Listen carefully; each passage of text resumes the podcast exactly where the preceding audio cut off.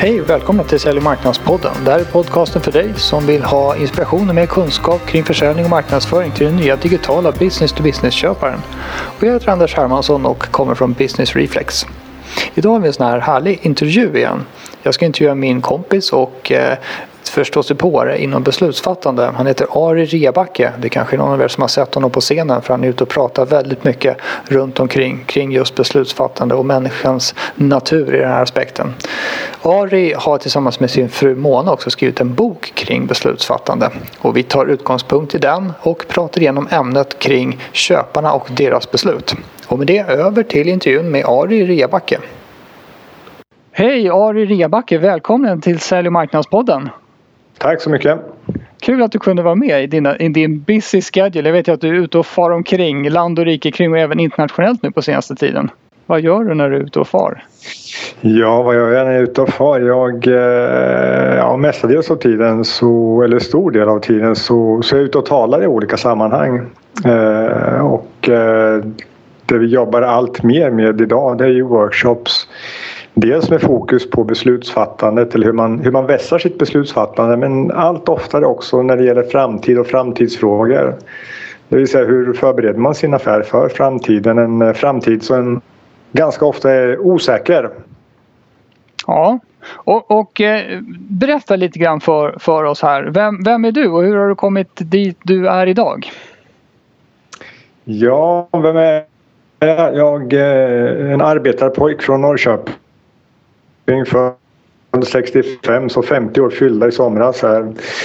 Eh, när folk tittar på, på vad jag har gjort så ser det väldigt eh, genomtänkt ut och så har det ju självklart inte varit utan eh, mycket har ju blivit eh, tillfällighet, inte minst när det gäller eh, min formella utbildning. Jag är alltså ekonom i grund och botten. Ja. Men jag är ingen sifferekonom utan organisationsteoretiker. Så att eh, jag är civilare i grunden och har en magisterexamen i organisatoriskt beslutsfattande.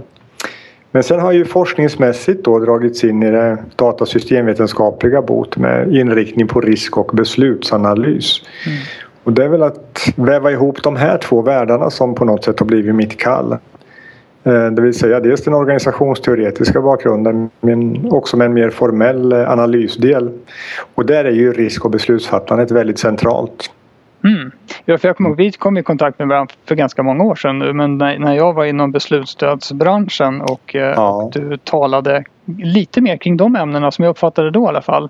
Men sen, jag tycker det var kul för alla de här systemleverantörerna. Det var väl lite att de vred sig i stolarna när du pratade om att, att eh, mer information kanske inte är, är vägen till framgång utan, utan kanske bättre avpassad informationsmängd för den mänskliga hjärnan och sådana saker. Ja, jo, jag minns exakt när det var faktiskt. Det var 17 november eh, 2007 det här när vi sågs första gången på, på Moderna Museet. Just det. Eh, ganska märkligt. Min fru tycker att det är oerhört konstigt att jag kan komma ihåg sådana datum men i stort sett ingenting annat. eh, som man uttrycker det. Eh, men, eh, nej, men det var väl det var, nej, men det var ett spännande event av flera skäl. För att jag kom ju Eh, med mössan i handen då 2007 var och sökte jobb i, i, i den här beslutsstödsvärlden. Ja. Efter att jag hade eh, lagt fram min doktorsavhandling då tidigare under, under våren, sommaren där 2007. Och, eh, någonstans så handlar det om att eh, på något sätt få, få ett kvitto på att vingarna bar. Och det här var ju det första stora framträdandet. Det var ju 300 pers lite drygt där, inte missminner mig. Precis. Eh, och, och, och där någonstans så förstod jag att det finns liksom eh, jordmån för det jag pratar om också ute i den så kallade verkligheten då som, som man, man, man kallar eh, affärsvärlden för när man är inom universitetssfären. Ja, ja mm. vad roligt. Så det var där resan började alltså, på Moderna Museet den 17 november. Ja, i alla fall ja. den här delen av resan. ja, just det. Ja, vad kul. Det var, det var kul att höra och vi har ju hört eh, några gånger sedan dess och det är alltid härligt att mm. prata med dig Ari. Du, mm. vet du vad? Dagens ämne då, beslutsfattande och köpbeslut. Jag vet att du har ju skrivit en bok tillsammans med din fru Mona.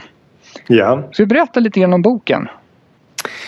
Ja, eh, alltså lång historia kort. Va? Det är ju så att eh, vi har ju skrivit en varsin avhandling eftersom också hon är doktor i risk och beslutsanalys, Mona. Då. Just det, härliga eh, diskussioner kring middagsbordet kan jag tänka mig. Nej, faktiskt, ja, det inte om det här. Eh, vi pratar väldigt sällan just beslutsfattande på det sättet hemma. Men, men, men eh, alltså vi, man säger att i genomsnitt så är det 1,8 läsare på en doktorsavhandling. Det vill säga att vi då med ett snabbt överslag skulle haft 3,6 läsare totalt på våra eh, två så att säga, eh, avhandlingar. Ja. Och, och, det här gjorde att vi började fundera på hur, eh, hur ska man nå folk? Eh, vad, vad, är det som på något sätt triggar folk att läsa? Och många har ju till exempel köpt den här Tänka snabbt och långsamt. Ja. Av, av Kahneman då. Eh, väldigt många har köpt den men inte fullt så många har läst den för den kräver för mycket av läsaren. Jag har ett ex hemma kan jag säga.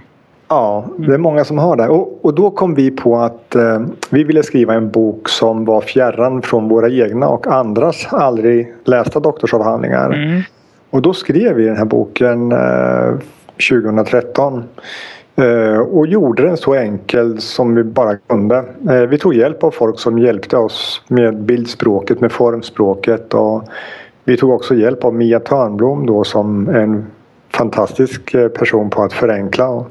Mm. Hon, läste, hon, hon, lärde oss någonting som, som visade sig bli väldigt värdefullt. Att ingen vill känna sig dum i huvudet när de läser en bok. Och, och jag tror att vi har lyckats med det. Det är mm. väldigt många som har lyckats ta till sig det vi skriver. Just för att den är så oerhört enkel. Ja men jag tycker också det finns mycket igenkänning i det. Och man, man, eh, man skrattar gott eh, ibland åt de här olika exemplen och de här eh, olika figurerna som gör mindtricks med en och så. Ja. Att, eh... och, och en, en, annan sak var ju att vi, vi vågade göra den mm. eh, på det sättet. Eh, den första versionen som jag såg att du håller i din hand eh, den, den blev ju inte perfekt men, men den blev av. Mm. Och sen har ju den också kommit ut på norska, den har kommit ut på det största finska förlaget för affärslitteratur och nu nyligen då på engelska på ett stort engelskt förlag. Så att det, är ju det det handlar om i mångt och mycket idag när vi gör affärer, att faktiskt våga göra annorlunda. Mm. Ja, det är fantastiskt. Grattis till ett bra jobb måste jag säga. Ja, tack. Du, om vi ska titta på det här med, med köpbeslut då. Vi, när, vi, mm. när jag själv pratar om köpbeslut så brukar jag säga att köparen har blivit digital. Men, men det är ju trots allt mm. så att köparna är ju inte alls digitala om man tänker efter. De är av kött och blod som de alltid har varit. Ja. Ehm, och eh, eran bok, eh, den, i den här versionen som finns nu, är det fortfarande beslutspyramiden som ligger till grund för själva berättandet? Eh, du tänker på när vi är ute och talar eller? Nej, jag tänker den här boken. Om vi skulle ta, gå igenom boken helt ja, enkelt. Ja, ja men absolut. Ja, så, så beslutspyramiden är i alla fall fortfarande relevant? Som den är mycket relevant. Den kommer aldrig gå ur tiden. Vad härligt. Du, vet, jag tänkte, ska vi försöka ta oss igenom från botten till toppen här då? Eh, av ja. beslutspyramiden och titta på det här ur, ur köpbeslutsperspektiv. Ja. Vad har vi i basen? på Den har en, två, tre, fyra, fem stycken sektioner den här pyramiden som är staplade på varann. Mm. Och den första sektionen, där står det med stora bokstäver människa. Ja. Och vad har människor med beslut att göra då? Ja, det är det vi försöker med den drucknes envishet ursäkta, eh, hävda här att det är människan som fattar besluten alltjämt. Vi har ju, vi har ju länge sökt efter svar på allehanda frågor någon annanstans när, när vi de facto har väldigt många av svaren eh, i oss själva. Eh, vi, vi, glömmer bort att gräva där vi står helt enkelt. Mm. Och, eh, det är klart att det är människorna som kommer att alltjämt fatta väldigt många av besluten. Inte minst när det handlar om köpbesluten. Och mm. Då handlar det om olika saker. Va? Vi, alltså, det finns inga vattentäta skott mellan de här olika nivåerna. Eh, men för att ta ett konkret exempel som vi också skriver om lite grann. Det är ju det här med känslan som vi återkommer till. Och att eh, vi, vi, har, alltså vi har lite svårt att skilja på känsla och förnuft. Eh, vi vill vara väldigt förnuftiga men vi vet idag att vi är alltjämt väldigt känslostyrda. Det här är ju ett problem när vi ska kommunicera med andra människor om vi bara appellerar till förnuftet. Mm. Jag brukar säga att i huvudet är det inte tomt utan där är det alldeles fullt. För länge sedan. Ja, just det. Så att eh, kommunikation eller om vi kallar det för retorik eller kommunikation spelar ingen roll. Det handlar liksom inte om att, om att eh, nå fram till människor. Det handlar ju om att nå in i människor. Och det är en väldigt, väldigt skillnad. Mm.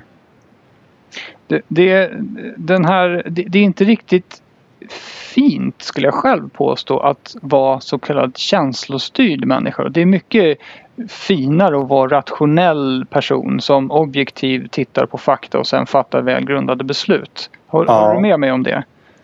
Nej, alltså jag håller inte med om att det är så men jag håller med om att det är så man ser på det. Det är bilden eh, ja. ja. Ja, det är bilden ja. Det heter ju till och med i den svenska språkfaunan att vi ska inte låta känslorna skena iväg. Mm. Eh, och det ska vi ju kanske inte göra va? men samtidigt så, så är det ju så att eh, alltså vi, vill ha, vi vill ha förklaringar, vi vill ha siffror, staplar, diagram på något sätt legitimerar det som vi gör eller väljer att göra eller väljer att besluta om. Mm. Eh, och väldigt många gånger så, så struntar vi i att besluta om någonting. Vi skjuter det på tid, eller fram, framför oss istället. Mm. Eh, och, och, och, det får ju mig osökt att tänka på Ulf Lundell har ju en gång sagt att en, en inställd spelning är också en spelning. eh, och, och, samma gäller ju beslut. Va? Ett icke-beslut är ju ett beslut också men det fattar vi liksom inte. Utan då tror vi att nej men nu har inte jag gjort något fel här. Så att man har ryggen fri. Just det. Men, men det vi har sett i vår egen forskning och det, vi, alltså det man har sett i forskning under en väldigt lång tid är att de allra flesta, framför allt ska jag säga de allra flesta riktigt svåra och komplexa besluten mm. de har ett väldigt stort eh, känslomässigt inslag i sig. Det är, alltså, det är en känsla som ofta får att tippa åt ett eller annat håll. Mm. Eh, för vi, vi förmår inte ha överblick över eh, all information, all data och, och hela situationen. Så det, någonstans i slutändan så är det en känsla som tar över och vi kan inte sätta fingret på vad det var.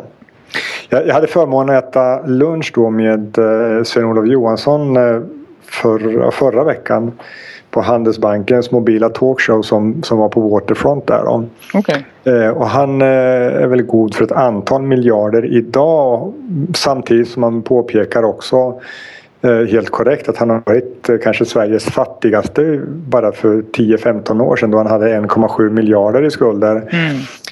Men, men han, vi pratade om beslutsfattande och då sa han någonting som jag eh, fastnade för. Det är att Eh, det kan ju vara så att när folk fattar beslut som de inte riktigt vet hur det ska bli. Det krävs mod, alltid så gott som alltid när det handlar om viktiga beslut, stora beslut, svåra beslut. Mm. Och går det bra så säger folk att vad modig du var. Och mm. går det dåligt så säger de att det var dumdristigt gjort. Ja. Så att, och det är samma beslut det handlar om. Ja. Det är bara resultatet av det som vad resultatet av det blir. Ja. Mm. Just det. Ja, intressant. Så vi har en människa som är känslostyrd men som i alla fall i vårt fall eh, det ses som ett ideal att man inte är känslostyrd. Eh, vad, vad, eh, vad, vad ska man tänka på då, då? Att vara varsam om det här. Om man tänker man är som, ja, vi har ju två perspektiv. Ur, ur det här Sälj och marknadspoddens perspektiv så pratar vi ofta om köpare och någon form av leverantör där då eller, mm. eller mm. säljande part. Eh, så att mm. vi, vi ska kanske inte, jag tycker inte om att prata om manipulation men vad ska man tänka på i sin kommunikation baserat på att eh, folk då är känslodjur? Tänkte du på om man, ska, om man försöker att sälja alltså? Ja precis. Alltså, jag, jag har ju förmånen, eller vi har förmånen att vara ute när vi är ute och pratar om de här sakerna och tala inför många olika grupper. Och det, det är många säljorganisationer som fastnat för, för budskapet när, när vi pratar om att alltså det handlar ju inte om att manipulera, det handlar ju om att eh, eh nå fram på något sätt. Mm. Biskop Tegnér har ju sagt för länge sedan att det dunkelt sagda är det dunkelt tänkta. Mm. Vad det handlar om också det är liksom att tänka efter före. Vad, alltså för, förbluffande ofta när folk får tillfälle på ett möte. Det behöver liksom inte vara ett, ett eh, säljmöte uttryckligen då utan det kan ju vara ett möte där man ska informera och, och någonstans så handlar det ju väldigt ofta om när vi träffas i affärsvärlden om att man ska sälja in en idé eller man ska sälja en produkt eller man ska på något sätt så ett frö för, för det man representerar. Mm. Och då berättar folk för många gånger vad de vill berätta istället för vad folk vill höra. Mm det här gamla klassiska, inte berätta vad kan jag göra eh, rent allmänt utan vad kan jag göra för dig. Mm. Eh, jag har också, det har jag lovat och det, det, gör jag ingen hemlighet av här och nu i denna eh, eh stund att i mitt nästa liv så kommer jag bli powerpoint-polis. Jag kommer åka runt och bötfälla folk på konferenser. Alltså de visar 20 bilder var med 40 punkter på varje bild. Va? Det är 13 som, som presenterar. Och stackars människan eller människorna i auditoriet de kommer ju inte att komma ihåg ett jävla dugg på ren svenska. Nej. Utan det handlar ju om att sticka ut. Vi, vi skriver om det i boken också. Liksom. När du får chansen. Screw logic, tell a story. Det är Mm. där det handlar om. Mm. Att få folk att minnas, att få folk att känna. Och det kan man ju göra på väldigt många olika sätt. Men det som är intressant här när vi ändå pratar forskning och det vi skriver om själva det är ju att appellerar vi till det limbiska systemet, alltså till känslocentrat i någon mening eller de delarna av hjärnan eh, där vi är känslo, så att säga, mässigt eh, styrda och mottagliga för det. Mm. Då, då kan vi liksom inte bara vifta bort det men appellerar vi till det kortikala systemet, liksom, det vill säga till den rationella delen av hjärnan, då har vi ju mycket goda argument för att vifta bort saker där det ena och det andra är att det redan är fullt där så det är väldigt svårt att nå in. Ja, okej. Ja, jag, jag tar till mig det här och tänker att, att eh, när jag pratar också så handlar det väldigt mycket om att se, tänka utifrån och in. Att försöka så fort Ja. det bara går glömma bort sig själv. Och, Ja. och tänka på de man talar till, de man kommunicerar med, de man erbjuder någonting. Ja, ja. Och, och faktiskt vara ärligt intresserad av de människorna istället för att, mm, ja, så att säga, vara det för att man måste. Utan Ja. en genuin känsla av att man skulle vilja bidra med någonting i deras liv. Det är utgångspunkten. Ja men det är, väl, det är väl ett av de bästa tipsen. Eh, Det är ett fantastiskt bra tips att eh, det är ju en väldig skillnad på att vara eh, Alltså att, att vara genuint intresserad av det de gör än Mm. att vara bara vara genuint intresserad av det man själv gör. Mm. Så vill man vara intressant så var intresserad. Mm, Väldigt enkelt egentligen. mycket bra. Det är sunt bondförnuft men det är som amerikanerna säger att uh, common sense not so common anymore. Liksom. Vi ser allt mindre av det sunda bondförnuftet. Precis. Du, om vi går vidare. Vi har på, Mm. på block nummer två efter att vi har klarat av den känslostyrda människan här så har vi flockdjuret. Ja. Vad, berätta lite grann om vad ni menar med det avsnittet. Ja, vi pratar ju om det här med att de flesta människorna de, eh, de går bara på de upptrampade stigarna och de flesta människorna de, eh, de eh, vågar inte göra sånt som man inte gör. Mm. Och eh, det är ju en naturlig egenskap hos oss att vi sneglar på andra. Det vi tar upp här är ju också att grupper de tenderar till att ta sämre beslut många gånger än vad individer gör. Och inte minst så har grupper en, en tendens att ta mer riskfyllda beslut än vad individer har. Och det är det här groupthink-fenomenet som, som frodas då i, när man har väldigt homogena grupper. Människor som tycker och tänker likadant. Va? Och Det vi hävdar då det är att det är det två som tycker och tänker likadant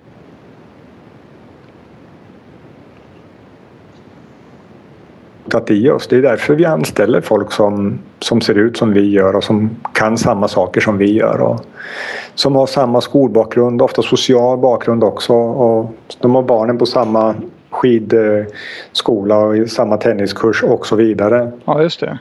Eh, Medan då väldigt många organisationer, de allra flesta, för att inte säga alla, skulle må väldigt bra av att ha folk som tycker och tänker olika. Och, eh, För mm. det känner jag själv att det, det är klart det, det, det som kommer automatiskt till en det är att det, ska, det är viktigt med, med bra stämning och sådär. Det, det, Ja. det är väl lättare då när, när det är homogent så det stänker om Det är det absolut. Men Då är det frågan om... smooth ride. Men Jo, men då är det frågan om. Va? Det är den frågan vi måste ställa oss. Att är, det, är, är, det liksom, är det viktigare att det blir en bra kick-off och julfest än att vi gör bra affärer? just det.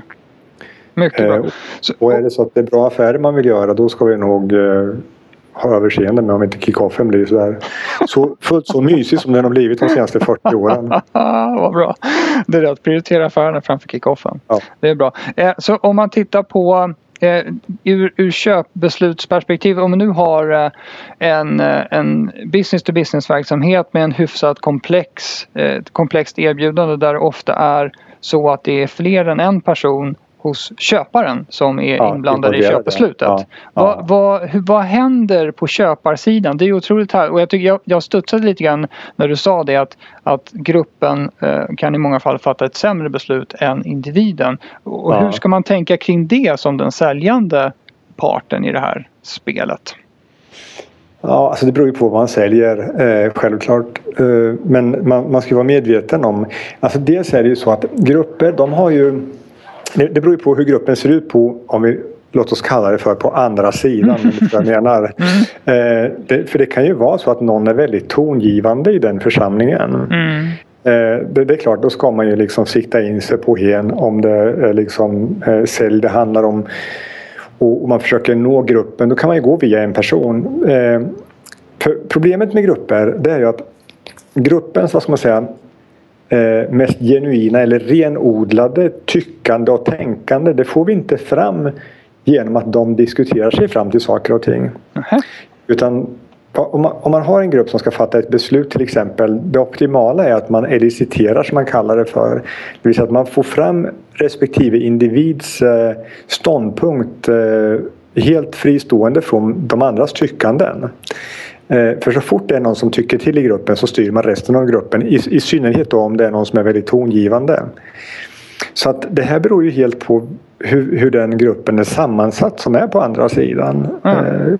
I den bästa av världar så har ju de tänkt till va? och då är den väldigt eh, diversifierad den gruppen. Mm. Inte särskilt homogen och framförallt inte särskilt eh, sugen på att allting måste vara mysigt utan att folk faktiskt vågar säga vad de tycker och tänker. Mm. Eh, och då måste man ju nå flera typer av människor. Ja. Och, och eh, så, så den här Ja, det är svårt att veta som, som säljare eller som, som uh, säljande företag då mot det här hur, hur beslutet ser mm. ut på insidan så att säga. Det, det kan ja. vara rätt svårt att föreställa. Det är väl klart om man är en riktigt slipad sån här vad heter det, account manager eller någonting så ska ja. man väl känna till de där sakerna. Ja, de försöker ju lista ut. De ja. försöker ju veta vem det är som sitter på pengarna, vem som har beslutsmandatet, vem som är den egentliga ledaren. Sådana möten har ju alla bolag där man har den typen av eh, positioner. Just det. Men, men själva, så det kan ju vara bra att tänka också på de då som ska fatta köpbeslut. Att sätta mm. ihop rätt grupp med människor. Absolut. Eh, rätt grupp med människor som har eh, man säga, rätt, rätt typ av kunskap. Va? För att ser vi till eh, eh, alltså jag var på ett event för någon vecka sedan där man pratade just om det här med att ser vi till utvecklingen till exempel inom, inom IT och beslutsfattande mm. så är det väldigt mycket trender. Eh, och då frågar de mig hur, hur, hur kommer det sig att folk hoppar på liksom trend efter trend efter trend? Mm. Då säger jag att förmodligen för, inte för att de är dumma på något sätt, de är väldigt skärpta människor som sitter på alla de här posterna men de har ju, de har ju fullt upp eh, ofta med sin, med sin vardag. Eh, hamnar ofta i händerna då på den konsultfirma som är inne hos dem. Det kan vara flera men som har hand om just den delen av mm. verksamheten. Och eh, litar också på att de har rätt. Va? Men det visar sig att det som var rätt idag det är ju inte rätt imorgon. Det kan ha ändrats förvisso.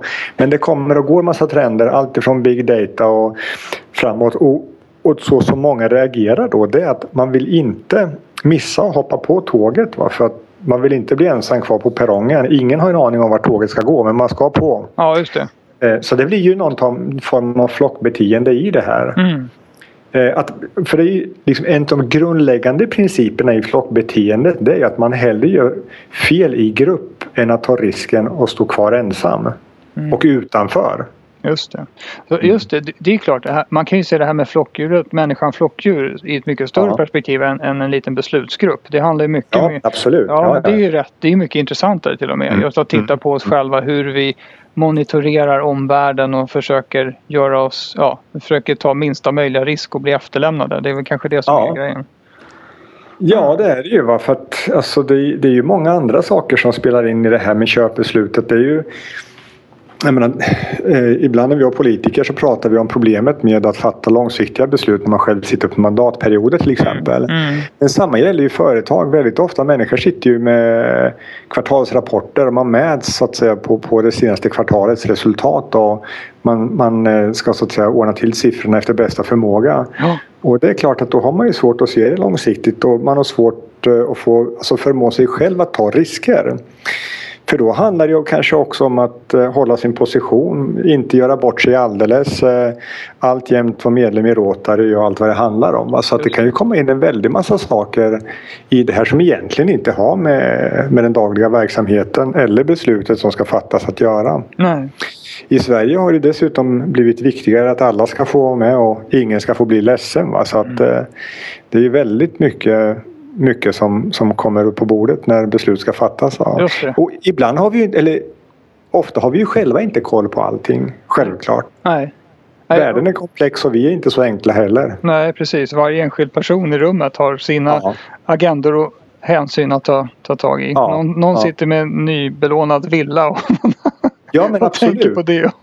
Ja, nej men så är det va. Mm. Jag, menar, jag brukar ta som exempel just att om vi tittar Alltså vi tittar på vil- vilka ska vi ha då i grupperna som vågar ta risker liksom. Ja men det är ju inte de som är 44 år med två snoriga ungar på dagis. Nej. En överbelånad villa, en segelbåt och en firmabil. De tar inga risker. Nej. De sitter väldigt still i båten liksom. Ja, precis. Så det ska vara några galna 24-åringar som inte fattat allvaret i den mån det finns något allvar där ena och det andra är att varför inte ta de utflugna barn liksom som, som håller på att glida i mål här och som Ja. dessutom har väldigt mycket vishet i sig. Just det. Mm. Bra tips där. Du, om vi går vidare. Nästa nivå handlar om sammanhang. Att inga beslut Ja. fattas bara i tomma intet utan de fattas alltid i ett sammanhang. Ja. Vi var ju in, in lite grann på det kanske med, med villan och sådana saker. Men du kanske kan Ja. fördjupa dig lite grann mer i det där med sammanhanget. Ja, Sammanhanget, det finns ju, vi, vi har ju en ten, tendens till att se saker och ting som det vore, eller beslut som det vore fristående. Alltså, eh, alltså inom forskningen så pratar man om en laboratoriemässig miljö. Mm. Som om den inte vore eh, så att säga besudlad av några andra intryck men så är det ju inte. Utan det finns ju alltid för att ta de enklaste nivåerna. Det finns ju alltid ett eh, affärsmässigt sammanhang men sen finns det ju också ett organisatoriskt sammanhang. Mm. Sen kan det finnas ett kulturellt och ett strukturellt eller struktursammanhang så att säga i det här men det finns ju eh, väldigt många olika sammanhang att ta hänsyn till. Och sen i nästa nivå så är det ju när vi tittar på information för vi är väldigt sugna på information nu för tiden. Mm. Mer sugna än någonsin. Eh, Så hamnar ju informationen i sig heller inte fritt från ett sammanhang utan det är alltid ett sammanhang som vi, vi jämför till exempel information med annan information. Eh, Och då är sammanhanget väldigt viktigt som vi jämför det i. Eh, Får vi in offerter till exempel så hamnar inte de i luften utan de hamnar också i ett sammanhang. Mm. Det kan vara så att det är väldigt sällan vi får en offert och så säger vi så här, det var värst, den här var ju väldigt bra, den tar vi. Utan vi vill ha in fyra, fem stycken minst för att kunna jämföra dem. Mm. Och ofta är ju de så förbluffande lika så vi ser ingen skillnad på dem. Och så vet vi inte hur vi ska göra men ser vi ingen skillnad på dem då spelar det ingen roll vilken vi tar. Då är det bara att ta. Tänk det brukar jag säga till min fru. När vi Ja, kommer fram till det sista. När vi har tre alternativ kvar och alla tre alternativen är så himla bra. Då brukar Ja. jag säga ja, då var det klart. Det är Ja. bara blunda och ta ett av dem. ja. Men inte riktigt. Tycker hon. Men hem, hemma hos oss går vi ett steg längre. Det är när min fru ska presentera tre olika alternativ. Ja. Och så presenterar hon det första.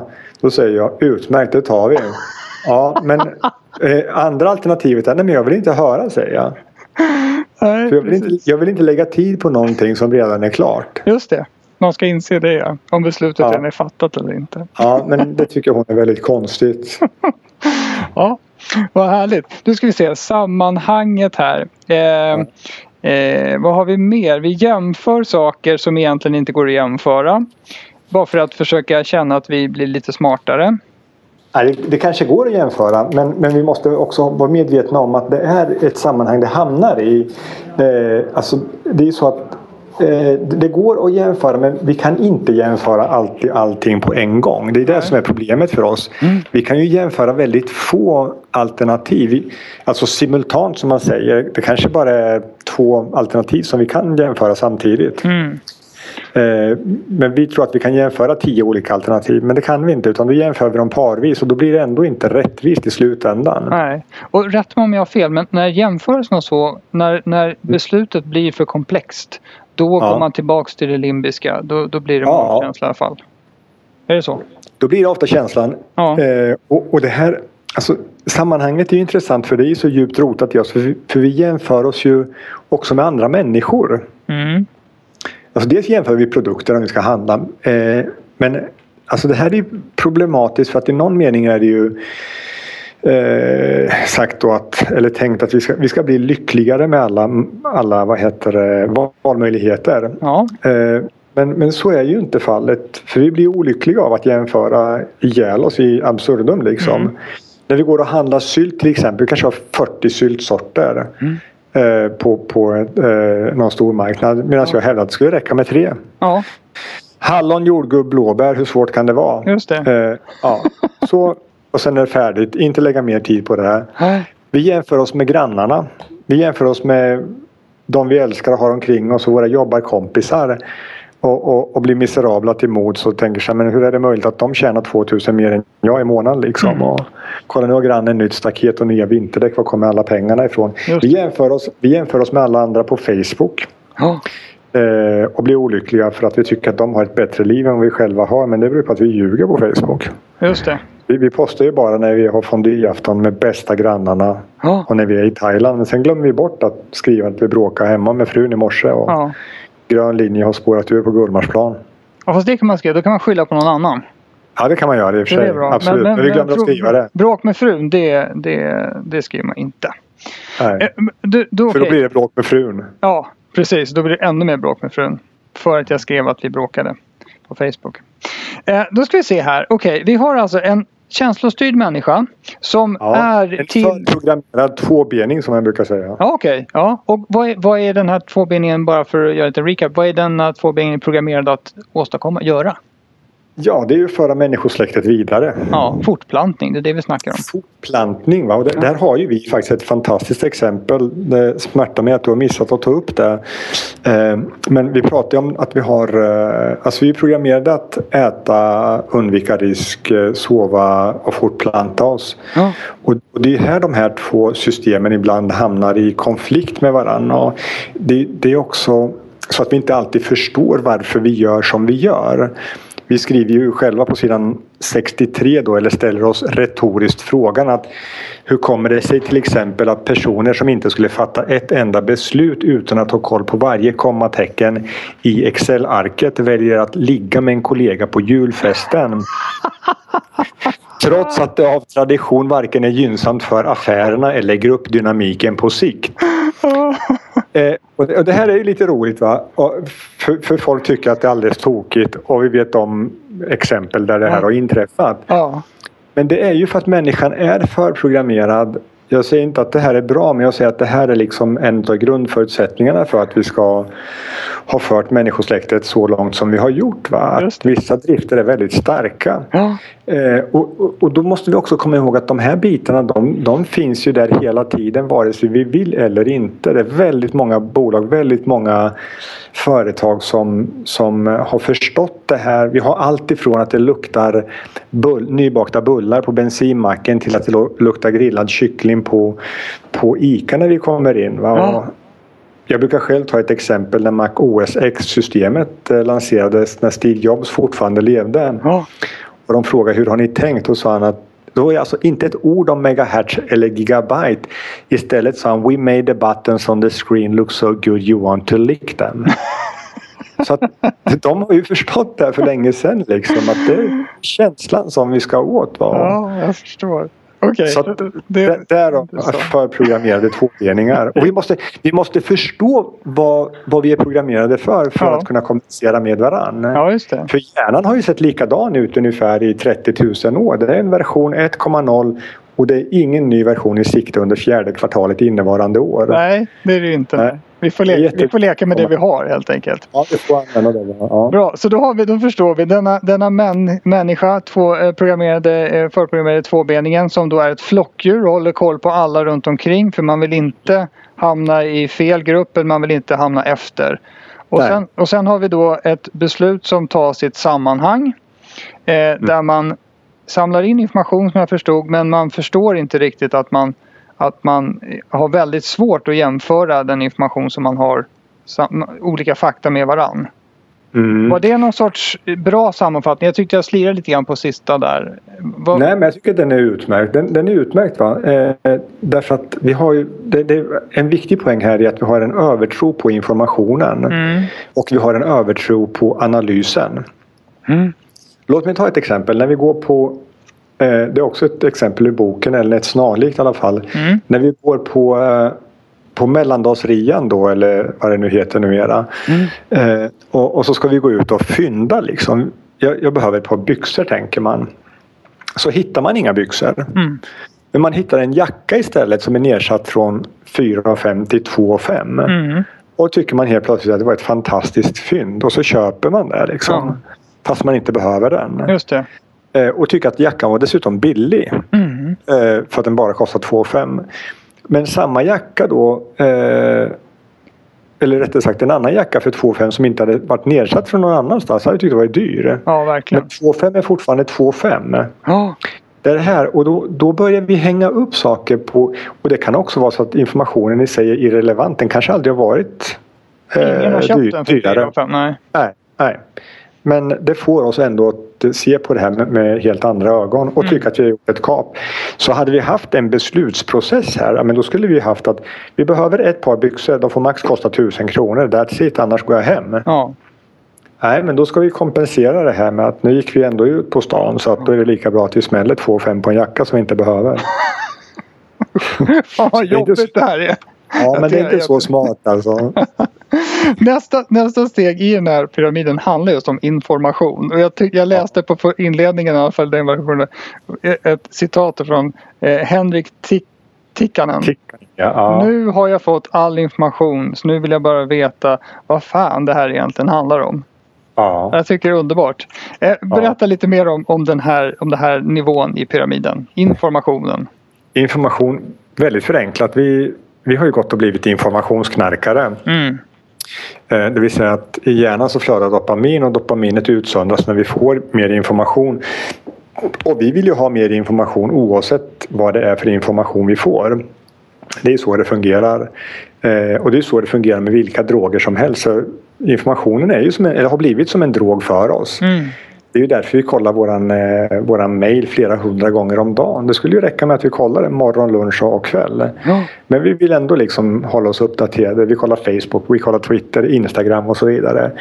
Eh, så det är det ena, att- att vi har blivit beroende av informationen. Och det andra är ju, och det är samma sida av myntet, eller förlåt, eh, andra sidan av samma mynt. att Vi vill ha mer information för att eh, det får oss att känna oss tryggare.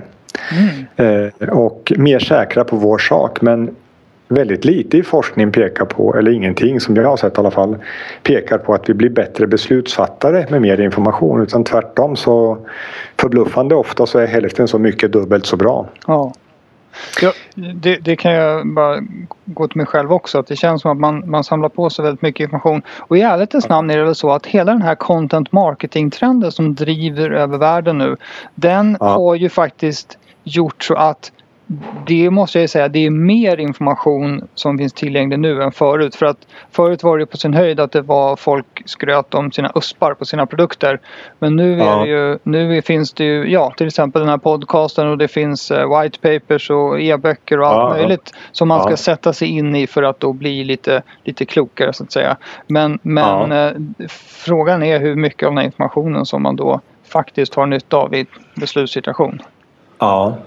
Nej, det är... Eh, alltså, jag tror att man måste vara lite uppmärksam på det där när man försöker samla in all... all alltså, information har blivit billigt. Mm. Det är ju liksom också ett problem i det här. Och vi har en, eh, alltså ett uppenbart problem med att urskilja vilken information som är viktig och vilken som inte är viktig. Mm. Eh, Det, det finns ju, när vi pratar beslutsstöd till exempel så finns det ju väldigt eh, avancerade metoder för att samla in väldigt stora data. Och, Mm. och det kan vara nödvändigt och väldigt användbart om man lyckas så att säga, se trender och, och, och, sådana saker i det. Mm. Eh, trender och mönster och, göra analyser eh, på kors och tvärs. Men det som är viktigt egentligen det är att man har en idé om vad vi sen ska göra med analysen. Vad vi ska göra med informationen. För idag så blir vi på något sätt eh, lite nöjda med att vi har den. Mm.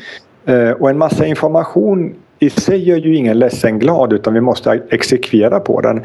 Vi skriver ju själva, vi har en sån one-liner som vi har kommit på som vi är stolta över där vi skriver att information förändrar ingenting. Beslut förändrar allt. Mm.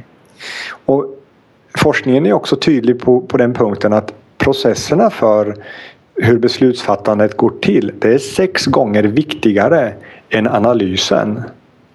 Men idag, ja, men idag så tenderar vi till att lägga alla pengar på analysen och all kraft och väldigt lite på processer.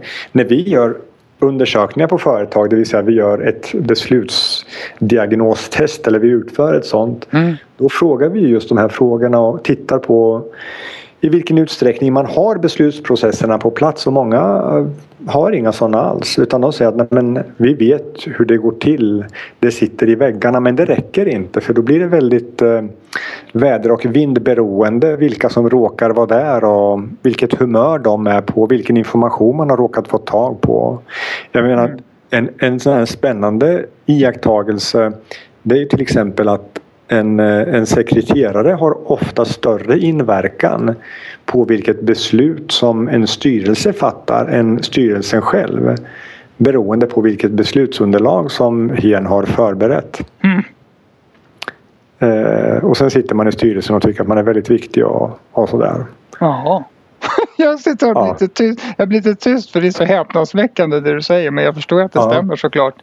Ja det är ja, fantastiskt. Det är klart att det gör. Jag är forskare. Ja gud ja. Du, I Sverige tror vi på två, två saker. Det ena är vad IKEA producerar och det andra är vad forskningen säger. ja underbart. Du, eh, nu ska vi se här. Vi har, eh, vi har en liten eh, slutkläm här på pyramiden som handlar om teknik. Ja. Eh, kanske utan att fördjupa oss allt för mycket i det men jag tycker det, det har säkert någonting intressant att tala om där också. Jag sitter och slår lite grann i boken under tiden här. Ja. Vad, vad handlar i princip teknikkapitlet om? Är det beslutsstödssystem eller? Det handlar ju om beslutsstödssystem och vi frågar oss då, vi, presenterar lite resultat från våra egna eh, våra egna studier, bland annat egna och andra studier på ett väldigt lättsamt sätt. Mm. Eh, vi introducerar ett begrepp där som vi kallar för beslutsstödsparadoxen. Mm. Att idag så investerar vi Alltså när vi investerar pengar och kraft i beslutsfattande så är det, skriver vi då, minst 90 procent av alla resurserna som går till teknik. Mm. Eh, och max 10 procent Eh, på själva beslutsfattaren, det vill säga människan. Eh, och det här paradoxen ligger i att beslutsfattandet minst till 90 procent hänger faktiskt på människan och max 10 procent på tekniken. Ja. Vi tar upp ett exempel till exempel från en, ett svenskt eh, försäkringsbolag, ett av de större i landet där vi var inne och jobbade för ett antal år sedan.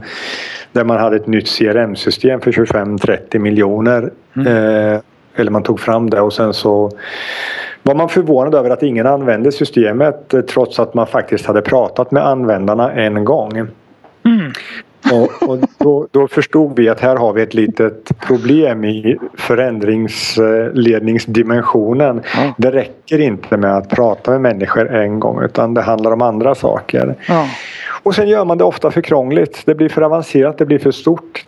Eh, man glömmer bort användarna och det får oss osökt att tänka på ett citat som vi skriver i boken faktiskt. Det är ju från Ingvar Kamprad, vår, eh, vår gamla möbelhandlare, när han säger att det krävs stor kompetens och skicklighet för att åstadkomma enkla lösningar. Mm. Dyra lösningar på alla typer av problem är ofta signerade av medelmåttor.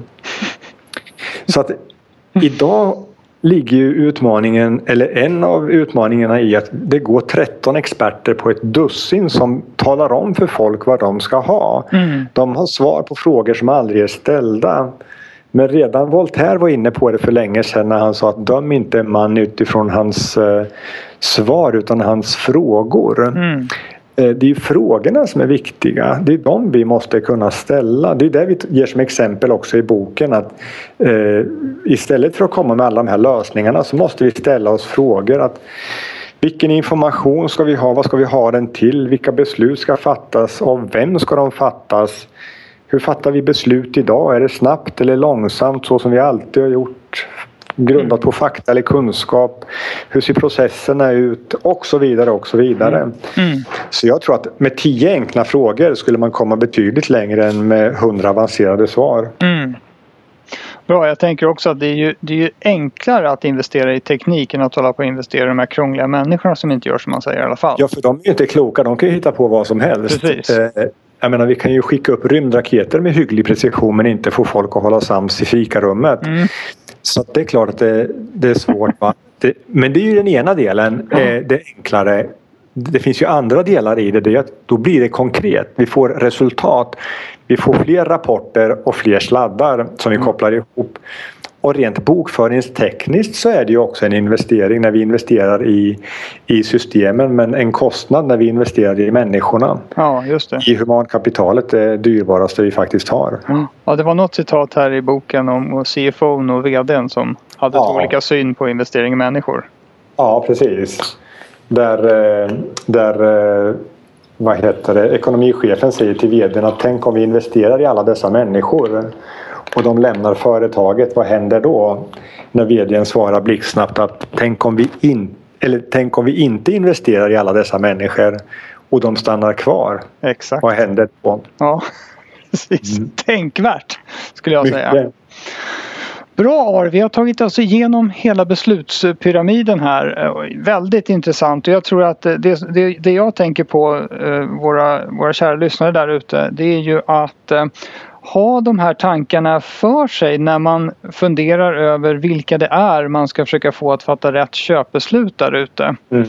Och hur man själv för den delen också agerar och tänker när man ska dra upp sina planer.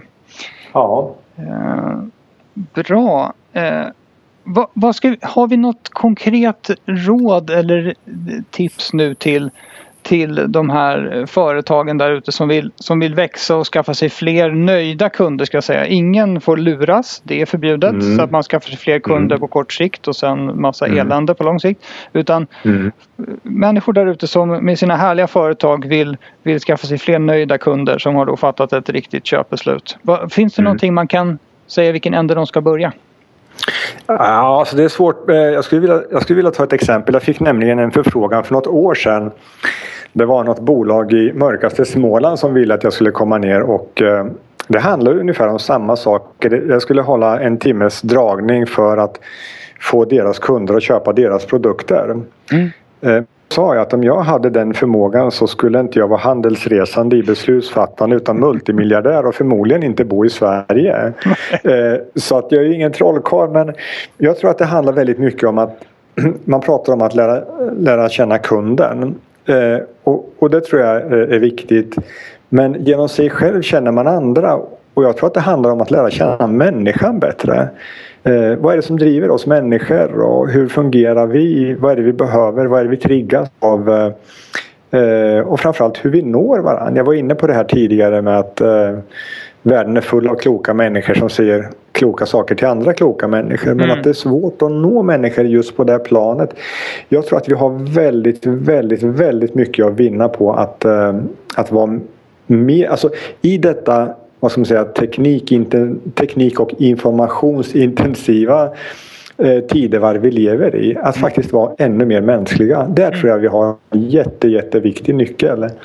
Mm. Eh, för tekniken den har alla, eh, åtminstone så kan de skaffa den om inte annat. Och information kan alla skaffa mer eller mindre exakt eh, samma information med blixtens hastighet. Men att vara väldigt personlig det är uppenbarligen få som lyckas med. Och det kommer alltjämt vara människor som gör affärer med människor. Det får vi inte glömma. Mm. Även fast många har glömt bort det redan nu.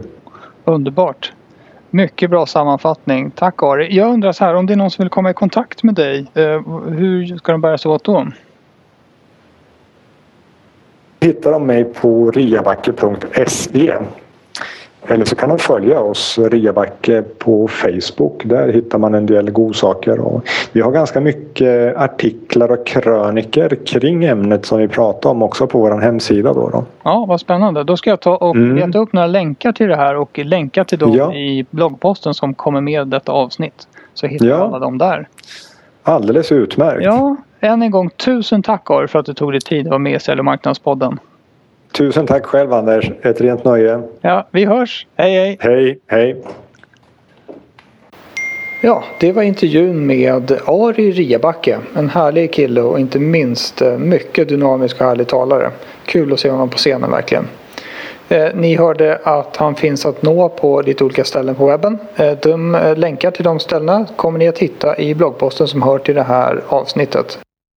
Jag hoppas ni har haft nytta och nöje av detta avsnitt och med det vill jag bara avsluta med vår vanliga uppmaning att glöm inte att vara relevanta. Hej då!